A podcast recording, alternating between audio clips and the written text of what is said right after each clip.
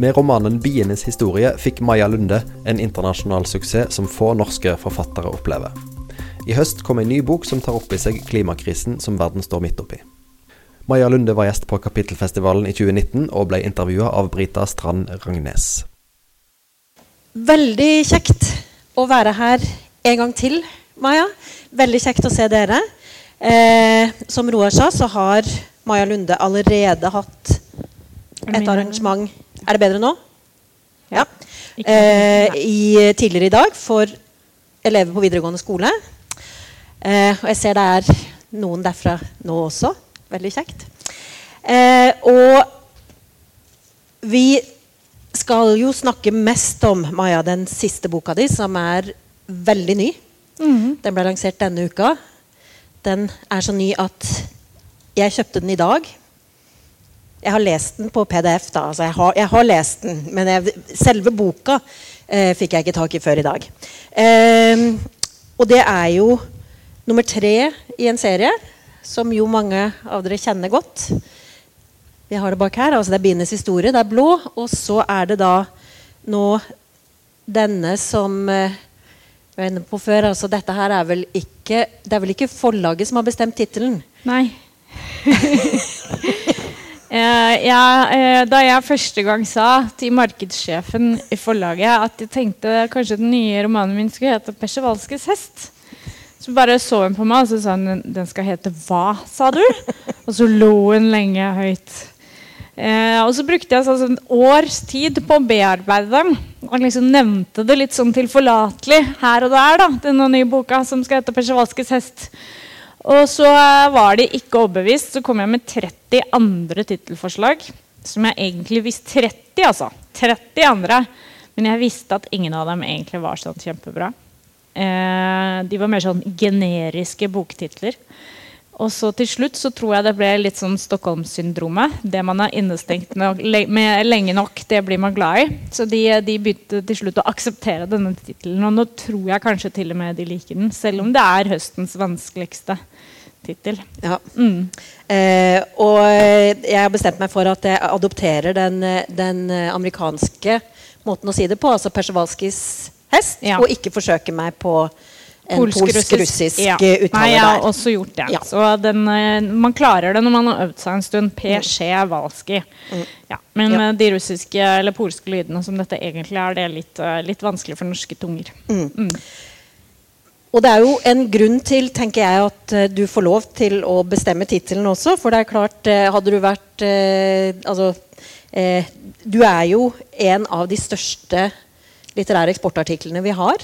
Du har jo kommet ut Altså du er jo blitt oversatt til Jeg vet ikke hvor mange språk det er. Har du oversikt sjøl? Jeg tror det er 36. Ja. Ja. Eh, og du har solgt en bok og to. Du, har, eh, du sa det at forlaget ville jo da altså Det er jo vanlig, altså markedsavdelingene ville jo fortelle De er opptatt av mengde og, og eh, hvor, hvor mange eksemplarer som er solgt. Så de ville da slå seg for brystet og fortelle at du hadde solgt over en million. Men da da, har de trykka på den eh, på Persjevalskij da, i førsteopplaget. Men så etter at de hadde trykka den, så begynte de å telle igjen. Og da fant de ut at dette må dere ikke ta ut av denne salen, da, for jeg tror de skal gjøre noe presse på det. eller et eller annet, jeg vet ikke. Men at nå var det faktisk ikke er over én million, det er over to millioner. Så det er jo ganske mange bøker. Det er noen hauger med bøker som ikke jeg helt klarer å forestille meg. egentlig. det er noe skog som har Det, uff a meg. Ikke snakk om det, da. ja. ja, det- bare prøver å skape litt stemning. Eh, nå regner jeg jo med at eh, de fleste av dere, eller at mange av dere har lest eh, noe av Maja Lunde. Eh, og så tror jeg faktisk også at ganske mange av dere kanskje ikke vet at dere kjenner mange, Maja Lunde sine tekster. Fordi for eksempel så skriver du jo du skriver jo i mange forskjellige sjangre. Og blant annet så skriver du for TV og film, og du skriver jo manus til f.eks. Side om side. Ja, eller jeg har gjort det. Jeg var med å lage det fra de første to sesongene. jobbet jeg med. Og hva de beste, ikke sant? Det er de beste. Hva med liksom sette serien. Ja. Um, så, men det begynner å bli noen år siden nå. Denne har jo blitt en skikkelig suksess som har gått i veldig mange år. Så det er jo morsomt. Ja. Det er gøy å følge med fremdeles for meg. en stund.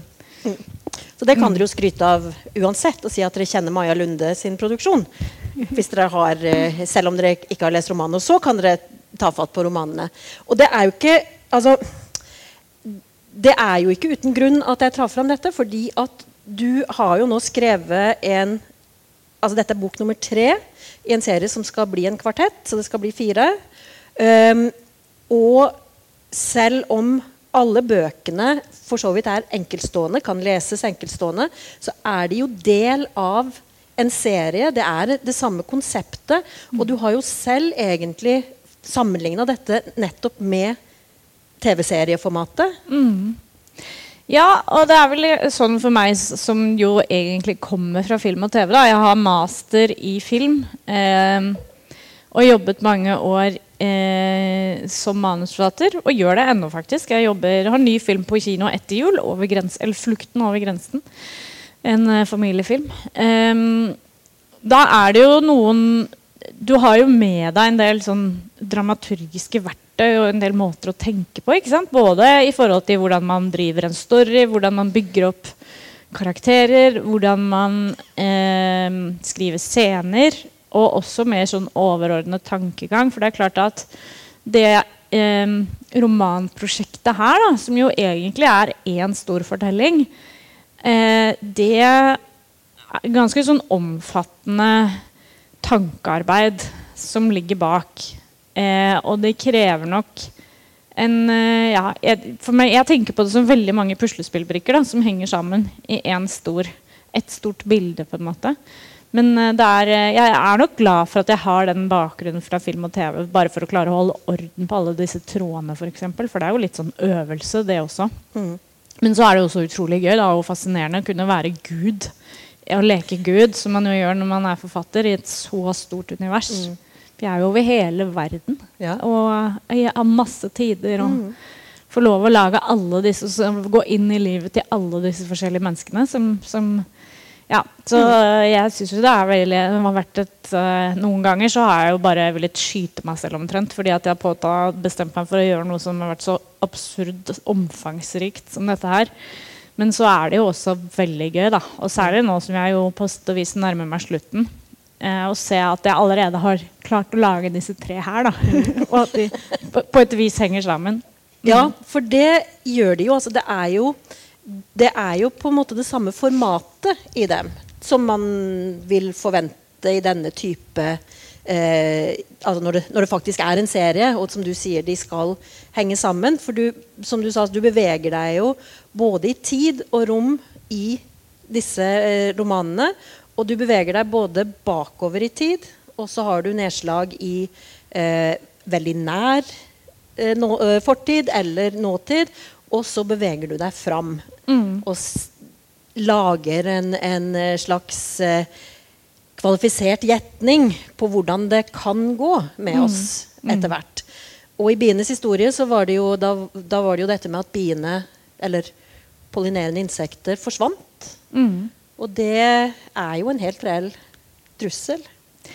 Ja, eh, det er, eh, er, jo sånn at eh, vi ser en kraftig reduksjon av, av spesielt ville insekter på jorden. Og egentlig alle andre ville arter også. Og det var jo noe av utgangspunktet for bienes historie. Men der startet jeg jo egentlig skrivingen med et sånt hva hvis? Hva hvis alle pollinerende insekter forsvinner? Hvordan blir det for oss da?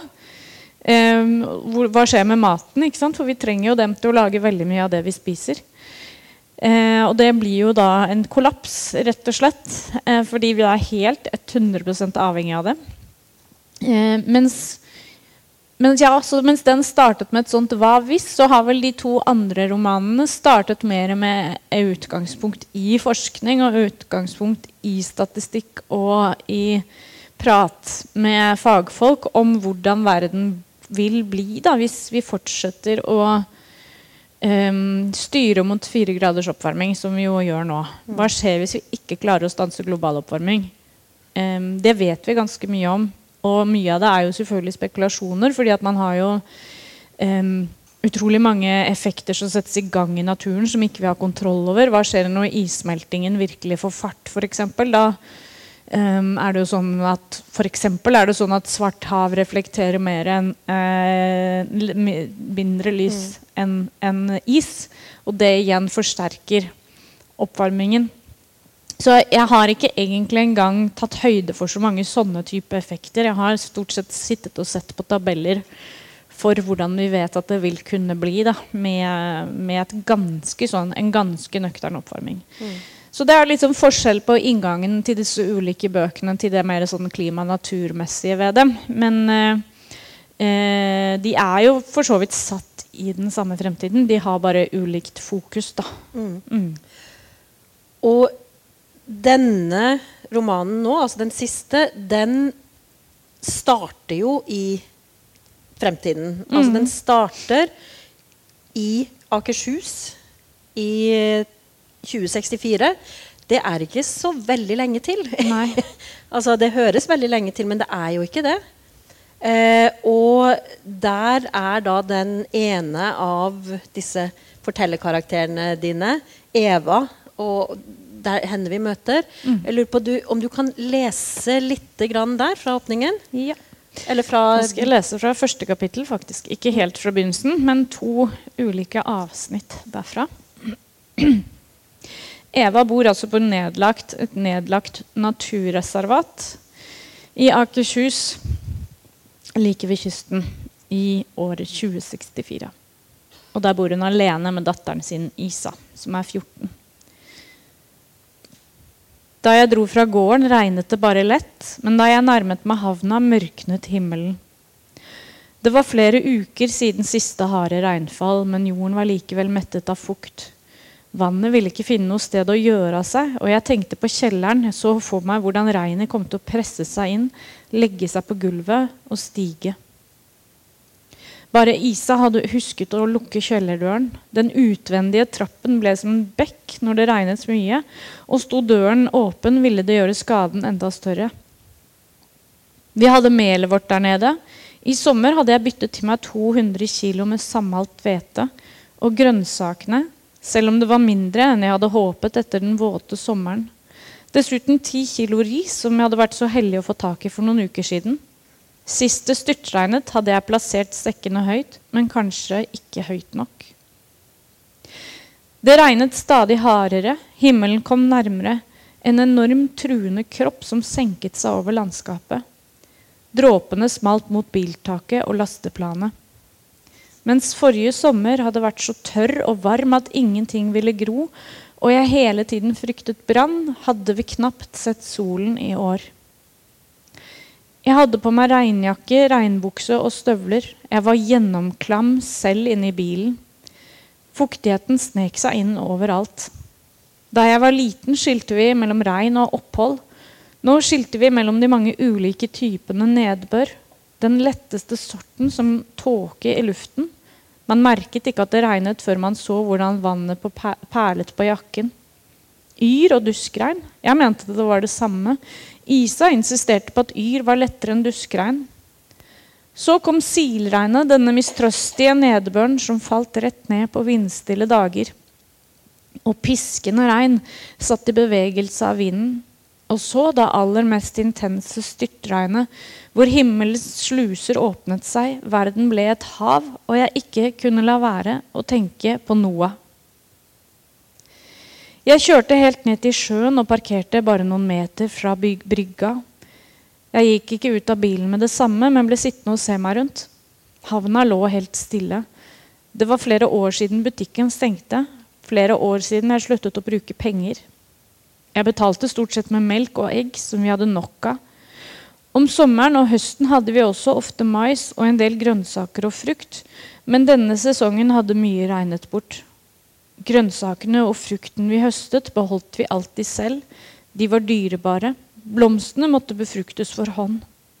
Det fantes fremdeles noen ville insekter som hjalp til, men bikubene hadde jeg for lengst gitt opp. De sto på låven nå. Fremdeles hang den søte lukten av honning og bivoks i dem.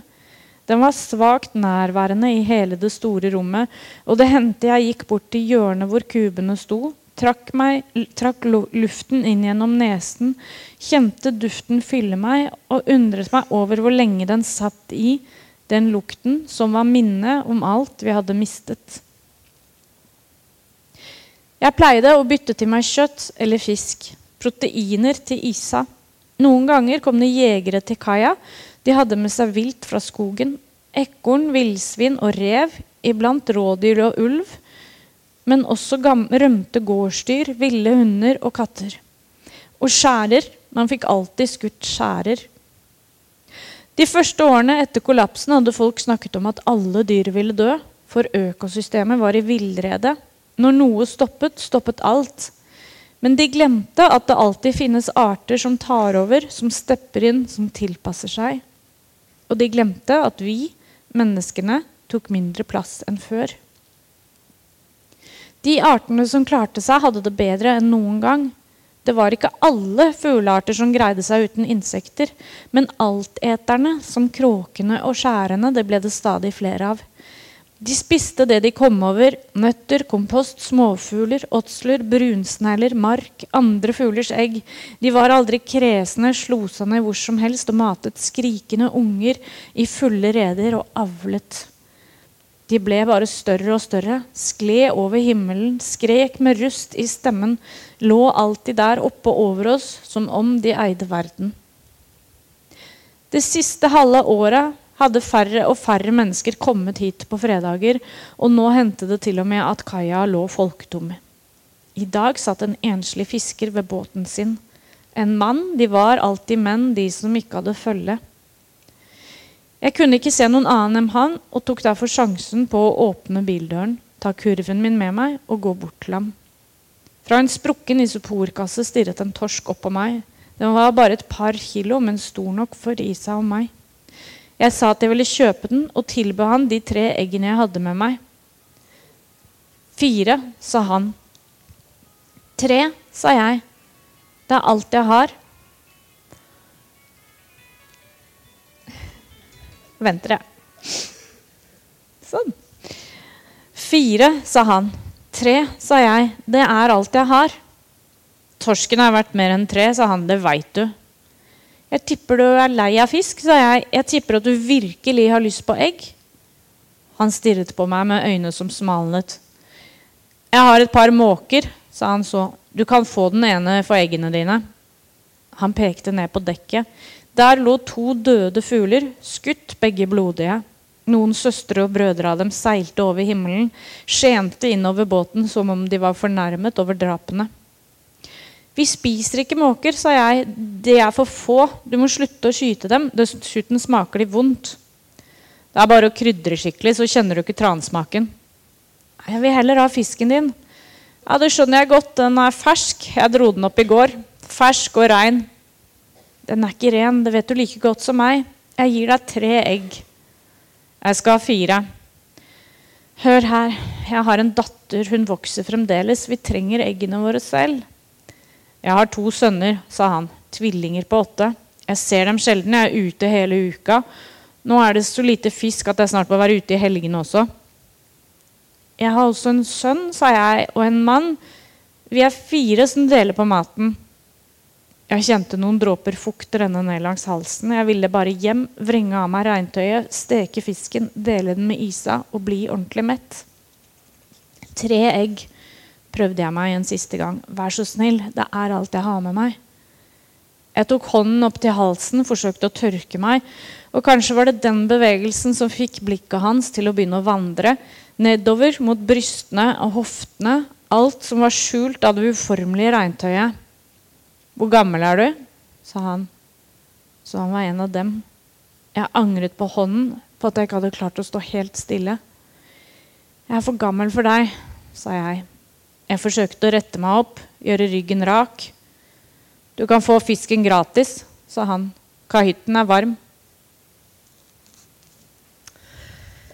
Takk skal du ha. Dette her er jo en sånn tilbakevending til et sånt byttesamfunn. Mm -hmm. Eh, en slags naturalhusholdning. Og det er jo Eva og dattera hennes de bor jo da, som du sier, på dette nedlagte nærmest reservat som de har hatt. Men nå har de altså da eh, stort sett bare eh, plass til det som gir dem mat, som gir dem føde. Mm. Men det er et unntak, for Eva insisterer på å holde liv i to hester som egentlig ikke kan brukes til noen ting. Mm. Og det er jo Nå er vi jo inne i tittelen på boka di. For det er jo disse hestene. Mm. Hva, hva, er, hva, er, dette for noe? Nei, jeg eh, så disse persevalske-hestene første gang allerede sommeren 2015. Og da fikk jeg dem eh, Vi var, var, med familien oppe i Tourenc i, i fjellene i Frankrike. Og der så vi hestene og fikk dem presentert sånt, hvor de levde fritt da, i et naturreservat. Og vi fikk høre deres historie. Um, og da, mens den historien ble fortalt, så husker jeg at jeg dunka mannen min i siden og bare Dette har jeg lyst til å skrive en roman om. Så jeg hadde det med meg. Mm. Fordi det som vi fikk fortalt da, mens vi så disse hestene, det var at i, på slutten av 1800-tallet så var det en oberst som heter Persewalski, som var eh, polsk-russisk, som var i, på jobb i Mongolia. Og han fikk i gave et skinn og en hodeskalle fra en hesteart som man ikke hadde sett før. Og da trodde man umiddelbart at denne hesten var de opprinnelige sanne villhestene, altså de vi ser på hulemalerier skal, skal, alle bare sjekke mobilen sin? Og så skrur dere av lyden. Uh, mobiler, ass. Ja, Burde vært sånn.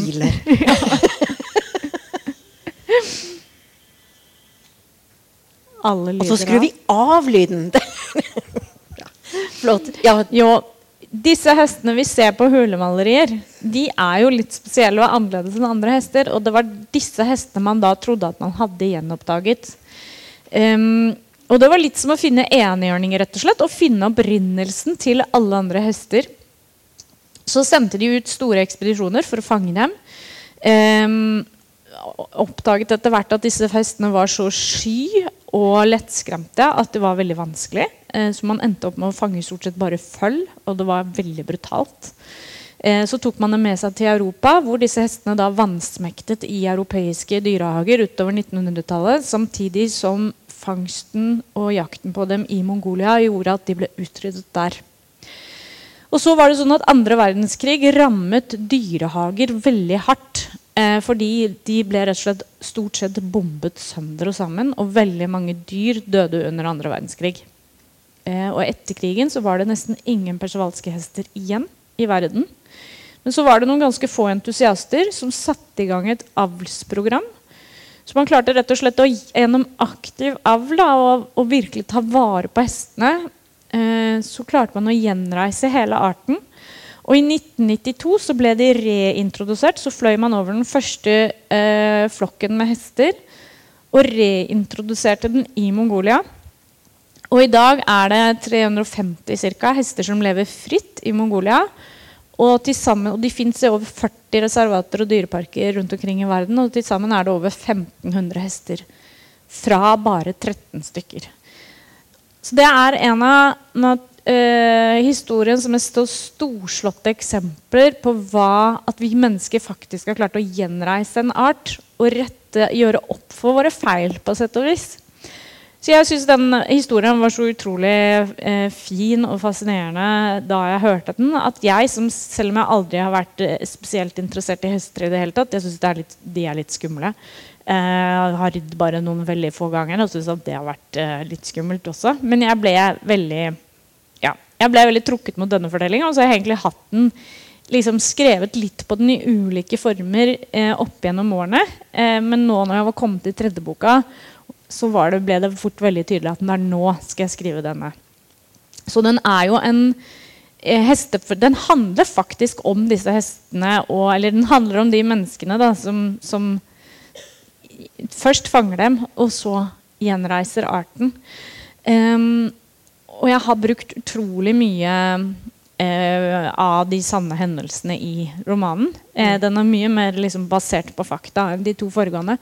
Men den er også eh, altså Hovedpersonene er selvfølgelig fiksjonskarakterer. Mm. Mm. For du har tre hoved fortellere i, i romanen. Altså det er Eva som vi har blitt kjent med, som da er eh, fra, i 2064. Og så har du, går du tilbake til 1880-tallet. Og da har du en eh, oppdagelsesreisende, Mikhail, som, eh, en russer, som blir med på den ekspedisjonen for da å fange disse villhestene som han trodde, altså urhesten som han trodde var utdødd. Og du får fortellingen om det. Og så, eh, og så har du Karin, en tysk eh, dame, som da i 1992 er med og forsøker å nettopp det som du fortalte, gjeninnføre Sette ut igjen disse hestene. Så, så, så hesten er liksom den eneste som er med ja, gjennom hele, hele romanen. Mm. Men det handler jo om disse menneskene, som du sier. Og det er jo, som de to foregående også, så er dette romanen hvor jeg skriver veldig mye om foreldre-barn-relasjoner. Eh, det er tre kjærlighetsfortellinger eh, i, i denne romanen. Så det er jo også i aller høyeste grad en relasjonsroman. Da. Eh, men kanskje også fordi eh, dette er jo en bok om dyr. Eh, men så kan si at Den første handler om insekter, den andre handler om vann og klimaendringer og vannmangel. Så er dette en bok om dyr. Eh, men det som var så interessant med akkurat det, var jo at jeg da Jeg skriver jo i alle tre så skriver jeg jo veldig mye om menneskedyret. Og vi har jo en tendens til å glemme det, at vi også er dyr. Men nå ble det enda mer på en måte til stede i teksten. da. Så det er det absolutt også en roman om. Mm. Og det er også Det, er veldig interessant når, når, når vi leser disse nedslagene på 1800-tallet, hvor det blir veldig tydelig at der er målet underleggelse. Underkastelse. Altså det, det vet vi jo eh, at, eh, at der er det eh, Målet er på en måte å ha herredømme over naturen. Eh, katalogisere Vise frem. ja, vise frem både dyr og mennesker. Vise frem det fremmede. Vise det frem som noe vi, vi er overlegne. Em, og en veldig mangel på innsikt i nettopp det du sier, at mennesket er ikke noe annet enn natur. Nei. Det finnes ikke oss og naturen. Det er oss i naturen. Ja.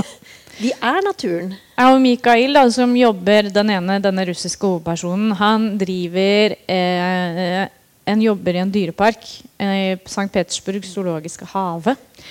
Og han, eh, han eh, vil jo gjerne stille ut disse hestene. Han vil ha dem fordi han vil stille dem ut for å få masse publikum. Men han har også ikke bare et sånn økonomisk mål. Han ønsker jo å stille ut dyr fordi han syns natur er fascinerende og ønsker å drive med formidling. da. Eh, men han kan ikke skjønne vitsen med På denne slutten av 1800-tallet så ble det også etter hvert ganske populært blant overklassen å faktisk ha dyr gående fritt på godsene sine. Som jo var starten på liksom naturreservater. da, Ikke bare sånn bitte små bur, men faktisk la de leve fritt. Eh, og dette, Spesielt i begynnelsen av romanen så skjønner han jo ikke helt greia der. kan man si, For hvordan skal vi da kunne se ordentlig på dem når de skal få lov å løpe fritt? Så han, eh, ja, han er jo veldig en, Jeg tenkte jo mye på det når jeg skrev at han er en representant, eh, representant for sin tid. da, Og hvordan man tenkte dyr på dyr og på dyrevelferd på den tiden. Og ma mangel, eller liksom ikke se de andre artenes egenverdi. Da. Eh, og det er jo det vi mennesker sliter med fremdeles. Liksom. At det synes jeg ofte også Når vi snakker om andre arter, og snakker om klimakrisen og naturkrisen og reduksjon i artsmangfold, så snakker vi alltid om det i sånn kost-nytte-perspektiv. Vi snakker om hvordan dette er krise for oss. Og så vi, har vi mye mindre fokus på det, at det er jo faktisk krise for dem. Og de har jo eh, De aller fleste av dem var her først, holdt jeg på å si. Eh, de har sin egen verdi, helt uavhengig av oss. Mm. Når vi kommer fram til dette forsøket i 1992, altså som da er denne og det, det er plutselig veldig lenge siden. Selv om det egentlig ikke er det, så, så føles det veldig lenge siden. Og det er jo dette med Der er det jo også veldig mye karakterer som er produkt av sin tid. Da ser man plutselig at det blir en slags nesten sånn eh, kamp mot vindmøller, dette at man skal gjeninnføre denne hesten. Og det får en så enorm symbolbetydning, for man begynner å skjønne at den måten måten vi som mennesker forholder oss til naturen på, ikke er bærekraftig. Vi kan ikke fortsette. Og vi må ta noen grep for å forsøke å ta vare på det som vi ikke legger merke til at blir borte. Mm. Det er veldig interessant å, å se den kontrasten mellom det du skriver fra sent 1800-tall, og det som 100 år senere plutselig blir livsverket til Ja. mennesker. Ja, og særlig Karin, eh, denne hovedpersonen. Hun har jo um, Hun er oppvokst på Herman Görings um, Han hadde en såkalt jakthytte, som egentlig var et stort slott ute i skogen, som het Karin Hall. Og hun bodde der som barn, og der hadde han faktisk persevalske hester. Eh, så disse hestene har hun hatt en sånn sterk relasjon til helt fra hun var liten. Og hun eh, har hatt som sitt store livsprosjekt da, å, å klare å redde denne arten, rett og slett. Og nå er hun veldig nær ved å lykkes. da. Hvis vi møter henne i starten av boken, så ankommer hun Mongolia med hestene på et skammelt sovjetisk lastefly. Og er, så følger vi henne det første år, eller gjennom den første vinteren. da. Um, gjennom ja, ganske ekstreme påkjenninger og tøffe tak for både dyr og mennesker. Mm. Og så er likevel den store forskjellen selv om, selv om den vinteren som du sier det er en knallhard vinter, den er det holder på å gå skikkelig galt eh, veldig mange ganger. Og det går til dels galt eh, med dyr, og det holder på å gå galt med mennesker også. Men, men det er likevel innenfor det som er normalt. For Det er en hard mongolsk vinter. Eh, og det er en tid hvor alt egentlig fortsatt er på plass. Eh, hvis vi kan si det på den måten. Det er eh, Det vi kan kalle normaliteten, finnes fortsatt. Mens når vi da kommer over i 2064, da er, som vi forsto av det du leste, da er egentlig ikke eh, verden til å kjenne igjen. Nei. Da er normaliteten, det vi tar for gitt, er blitt borte. Mm. Og det er en veldig Det sitter jeg med en veldig sterk følelse av etter å ha lest boka di. Dette med hvor utrolig skjørt alt det vi omgir oss med, er. Hvor lite som skal til før det forsvinner. Ja. Nei, jeg eh, Det er jo så lett å glemme da, at alt henger sammen med alt. Eh, og at alle disse der bitte små tingene vi gjør, faktisk er en del av det store bildet. Eh, men det er jo noe jeg selvfølgelig tenker mye på når jeg sitter og, og skriver. Eh, og også tenker på sånn personlig, fordi Eh, jeg jeg, som jo jobber med dette veldig mye, og da nødvendigvis også går veldig inn i det og leser mye, følger med på hva som skjer i verden Jeg får jo også eh, det er jo veldig mye nedslående lesing, rett og slett. Eh, som gjør at jeg kan bli ganske motløs eh, på vegne av eh, verdenssituasjonen og fremtiden til ungene mine. Eh, men det hjelper jo av og til også å tenke liksom på at hver og en av oss det, det monner jo faktisk, hvis mange nok gjør det. Mm. Og hver og en av oss, det er mange av oss som kan ha ganske stor påvirkning da, på verden rundt oss. Ikke bare på liksom, hva vi gjør privat, men hva vi gjør på arbeidsplassen. Hva vi gjør i lokalsamfunnet. Hvordan vi snakker om dette, ikke minst. Mm. det som, noe av det som er veldig interessant i nettopp denne framtidsvisjonen din, er jo det at på et vis så er vi tilbake eh, i tid. Fordi vi er tilbake i, i et samfunn som vi sier altså det er et pengeløst samfunn. Det er et samfunn hvor man må klare seg selv. Hvor det er eh, det du klarer å dyrke selv, det du klarer å, de dyrene du klarer å, å fø osv. Det er det du overlever på. Og samtidig så er disse karakterene som da lever i 2064, de er jo ikke rusta til dette. Nei. Fordi veldig mye av den kunnskapen vi trenger for den type samfunn, har vi jo ikke. For det er muntlig kunnskap. Det er kunnskap som skal sitte i kroppen. Men det gjør det jo ikke. Fordi vi skrur på lyspære, altså vi skrur på strømmen, vi har skjermen, vi har ikke kokebøker lenger. Vi, vi googler oppskrift. Altså, det er så mye av den praktiske kunnskapen vår som vi ikke lenger har.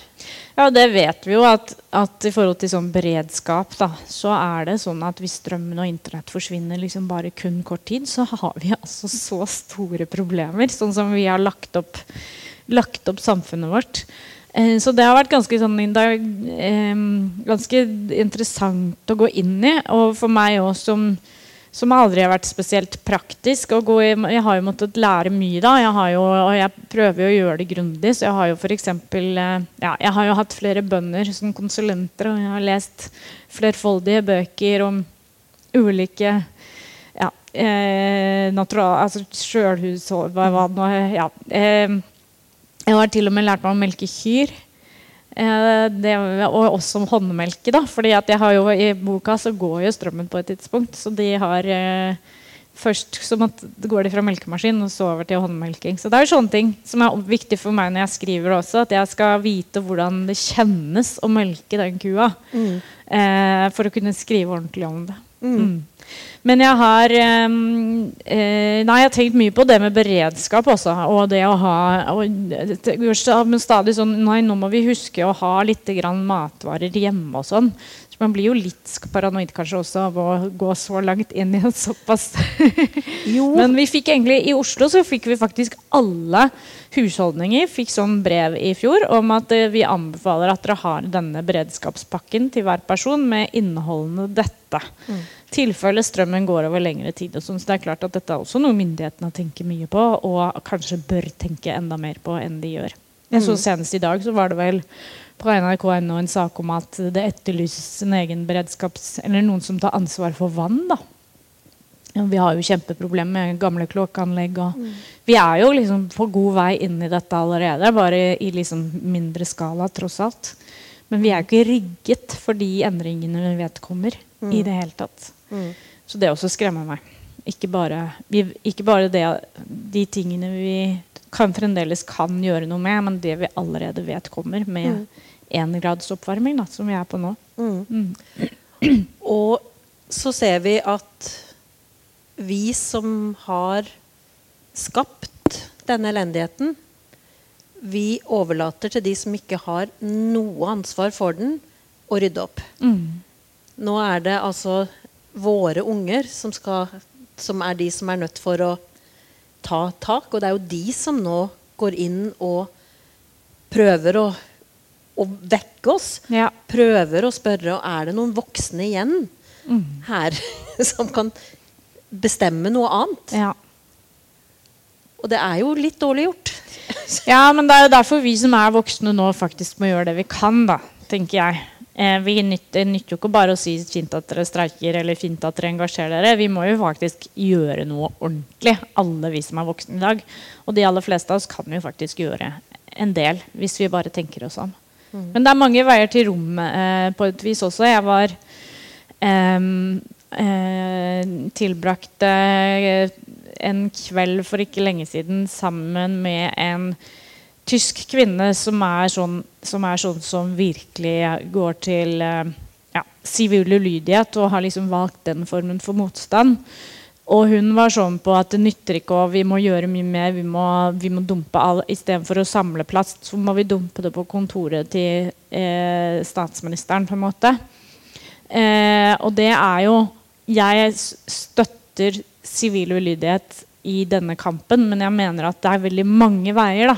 Og det er noe med at hver, Hvis hver og en av oss faktisk setter oss ned og ser på hva vi selv kan få til, så er det ganske mye. Men, mm. Eh, men sånn, da handler det om å kutte eget forbruk, kutte flyreiser. Eh, de aller fleste nordmenn flyr jo mye mer enn det de trenger. Eh, selvfølgelig kjøre mindre, kjøre elektrisk hvis det, man har mulighet til det.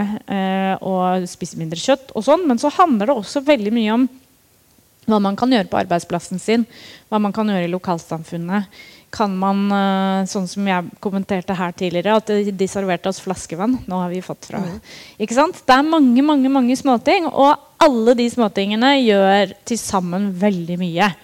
Og det å også ta tak i alle de småtingene i sitt eget liv, og store tingene, da. Er man sjef, liksom? Se på hva kan vi få til på vår arbeidsplass. Det er helt sikkert en hel haug med ting. Mm. Eh, og da, hvis alle gjør det, så monner det innmari mye. Mm. Mm.